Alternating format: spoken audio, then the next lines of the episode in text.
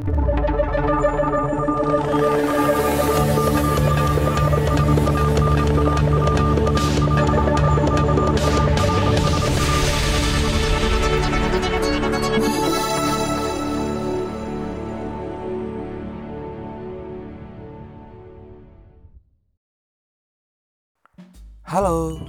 selamat datang di podcast perdana dari Ngobrolin TV. Sesuai namanya, di sini kita akan ngobrolin beberapa hal mengenai dunia pertelevisian kita. Bertepatan dengan akhir bulan Januari, rekaman perdana kali ini akan membungkus apa saja yang terjadi sepanjang bulan Januari. Tanpa panjang lebar lagi, kita langsung mulai saja Indonesia TV Roundup edisi Januari 2020. Tahun 2020 di pertelevisian kita dibuka dengan luapan air. Tentu kita masih ingat bahwa pemberitaan di sejumlah stasiun televisi kita diisi dengan liputan mengenai banjir yang melanda wilayah DKI Jakarta dan sekitarnya. Banjir Jakarta tidak hanya mempengaruhi pemberitaan, tetapi juga sistem siaran di pusat kota. Dalam catatan saya, Setidaknya ada Metro TV yang terpaksa pindah studio karena studio beritanya terendam air. Selain itu, sejumlah stasiun TV juga terpaksa turun dari udara, seperti TV One, Net, dan RTV. Penyebabnya tentu saja gangguan kelistrikan di menara pemancar masing-masing stasiun televisi. Jeda pertengahan musim sepak bola Eropa kali ini menjadi jeda yang menyenangkan bagi penikmat sepak bola tanah air. Sejumlah turnamen tahunan yang digelar nyatanya dapat disaksikan di layar kaca. Tercatat, ada TVRI yang masih menyiarkan Coppa Italia dan RCTI yang tahun ini kembali menyiarkan kompetisi sepak bola Inggris melalui program FA Cup.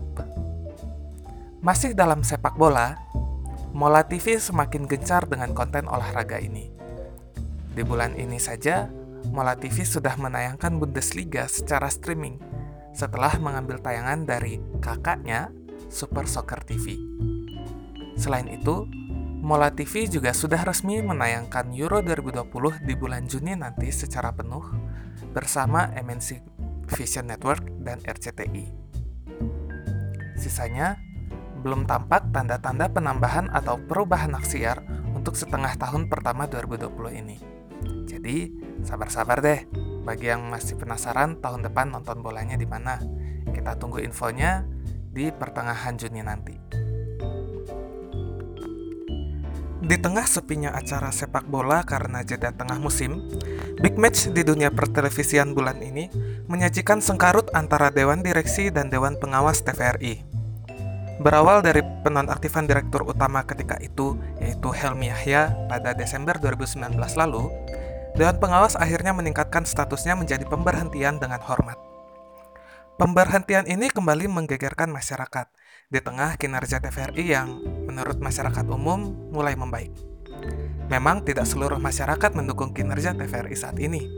Sejumlah masyarakat yang tidak terjangkau siaran terestrial TVRI sering mengeluhkan acara unggulan TVRI seperti Liga Inggris dan bulu tangkis tidak dapat mereka saksikan karena adanya pengacakan belum lagi sejumlah masyarakat yang tidak menonton TVRI, namun paling lantang mengatakan tidak adanya kemajuan di layar TVRI. Isu di balik pemberhentian ini pun berkembang liar. Yang paling dipermasalahkan tentu saja soal Liga Inggris. Acara yang dianggap memboroskan anggaran, ditayangkan demi rating semata, hingga berpotensi gagal bayar seperti kasus Jiwasraya. Selain itu, Acara pengetahuan seperti Discovery Channel dan Kuis Siapa Berani pun kena getahnya. Setidaknya hal ini yang banyak ditekankan oleh Dewan Pengawas. Sebagai lembaga yang menaungi bidang dalam negeri, pertahanan, dan informasi, Komisi 1 DPR RI pun melakukan dengar pendapat secara terpisah kepada tiga pihak. Dewan Pengawas dipanggil lebih dulu pada tanggal 21 Januari, menyusul Dewan Direksi pada 27 Januari, dan mantan Direktur Utama TVRI Helmi Yahya sehari setelahnya. Sayangnya, pemberitaan yang berkembang telah membuat masyarakat umum kadung tak sepakat dengan Dewan Pengawas. Liga Inggris diakui menjadi alasan orang kembali menonton TVRI, dengan sebagiannya berlanjut menonton acara lain di TV plat merah itu. Saat Dewan Pengawas mengungkit soal jati diri, warganet spontan tak setuju. Tak jarang, warganet membandingkan dengan acara yang dianggap lebih sesuai jati diri. Sinetron, dangdut, Liga 1, bagian adu gebuk, dan lain-lainnya. Alasan rating juga cepat dimentahkan oleh anggota DPR, di mana Dewan Pengawas kemudian ditanyakan mengenai alternatif alat ukur kuantitatif untuk mengukur kinerja program TVRI. Memang saat itu belum ada jawaban langsung dari Dewan Pengawas, namun belum diketahui apakah mereka mampu memberikan alternatif tolok ukur tersebut. Isu rating menjadi semakin lucu dalam dengar pendapat tersebut TVRI mengungkap bagaimana mereka tidak boleh mencari rating, tidak boleh menaikkan rating, sementara dalam pengukuran kinerja direksi, salah satu tolok ukurnya adalah rating.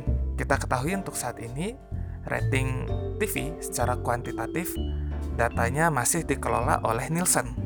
Selain itu, masalah ketidakharmonisan direksi Dewan Pengawas serta masalah karyawan yang dimutasikan juga turut dipersoalkan dalam kasus ini. Oh, jangan lupa juga logo dan desain TVRI yang sempat viral itu yang masih muncul di layar sampai sekarang juga menjadi persoalan.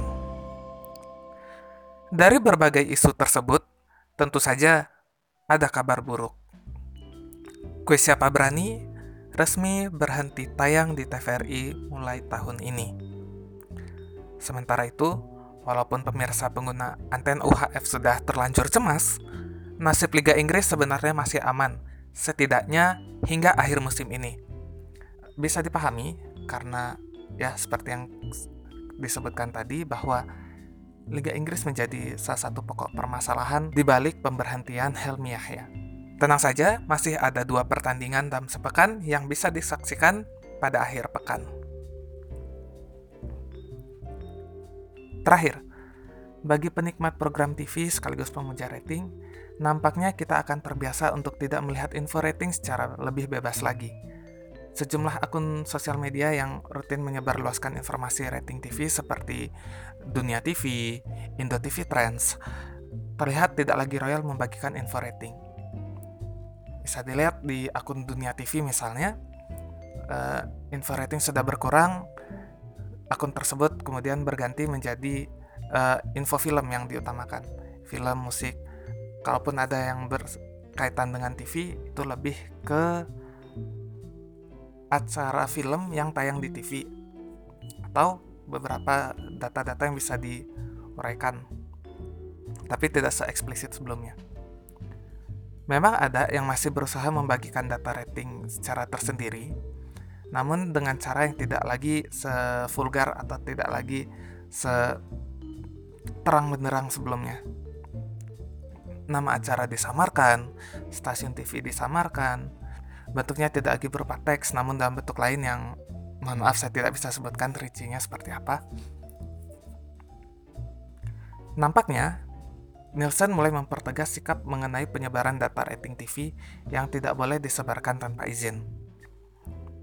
Memang sejumlah akun tersebut diketahui memiliki akses tak langsung pada data rating Nielsen. Data, uh, akses tak langsung ini dalam artian bahwa uh, mereka mendapatkan data dari pihak lain yang telah berlangganan data Nielsen. Yang berlangganan data Nielsen tentunya ada empat pihak, yaitu stasiun TV, agensi media, rumah produksi, dan pengiklan. Tentunya untuk mendapatkan data ini dibutuhkan biaya yang cukup besar dan menurut pengakuan Nielsen dat, uh, dan menurut pengakuan Nielsen, harganya tidak rata, tergantung dari masing-masing uh, stasiun TV-nya, baik dari kemampuan modalnya dan lain sebagainya. Tentunya, besarnya biaya data rating ini dikarenakan Nielsen sepenuhnya bergantung kepada pemangku kepentingan, yaitu empat pihak yang saya sebutkan tadi. Stasiun TV, agensi media, rumah produksi, dan pengiklan. Nah, akses ke orang dalam ini yang membuat info rating TV itu jadi gampang didiskusikan oleh masyarakat, gampang didiskusikan oleh warganet. Apalagi di, ditambah dengan banyaknya fandom dari stasiun TV tertentu, dari program tertentu, dari eh, figur-figur tertentu yang kemudian memanaskan diskusi mengenai rating ini dan tidak jarang juga mereka mengglorifikasi capaian angka rating dari apa yang mereka sukai. Di lain sisi, data dari Nielsen pun semakin diragukan keakuratannya di era digital seperti ini. Kita tahu bahwa data Nielsen sendiri baru baru mengukur jumlah penonton di layar televisi.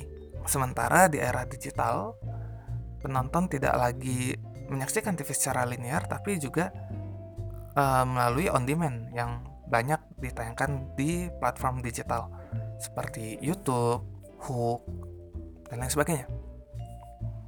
Belum lagi kalau kita lihat di zaman sekarang, di mana penonton saat ini adalah penonton multi layar, banyak yang menyaksikan televisi tetapi didampingi oleh layar yang lain seperti layar ponsel atau layar laptop.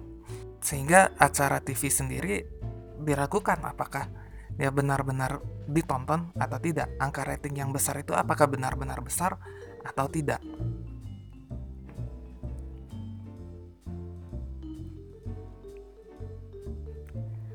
Dan ya, demikianlah Indonesia TV Roundup edisi Januari 2020 dengan sejumlah peristiwa menarik di dunia pertelevisian sepanjang bulan ini.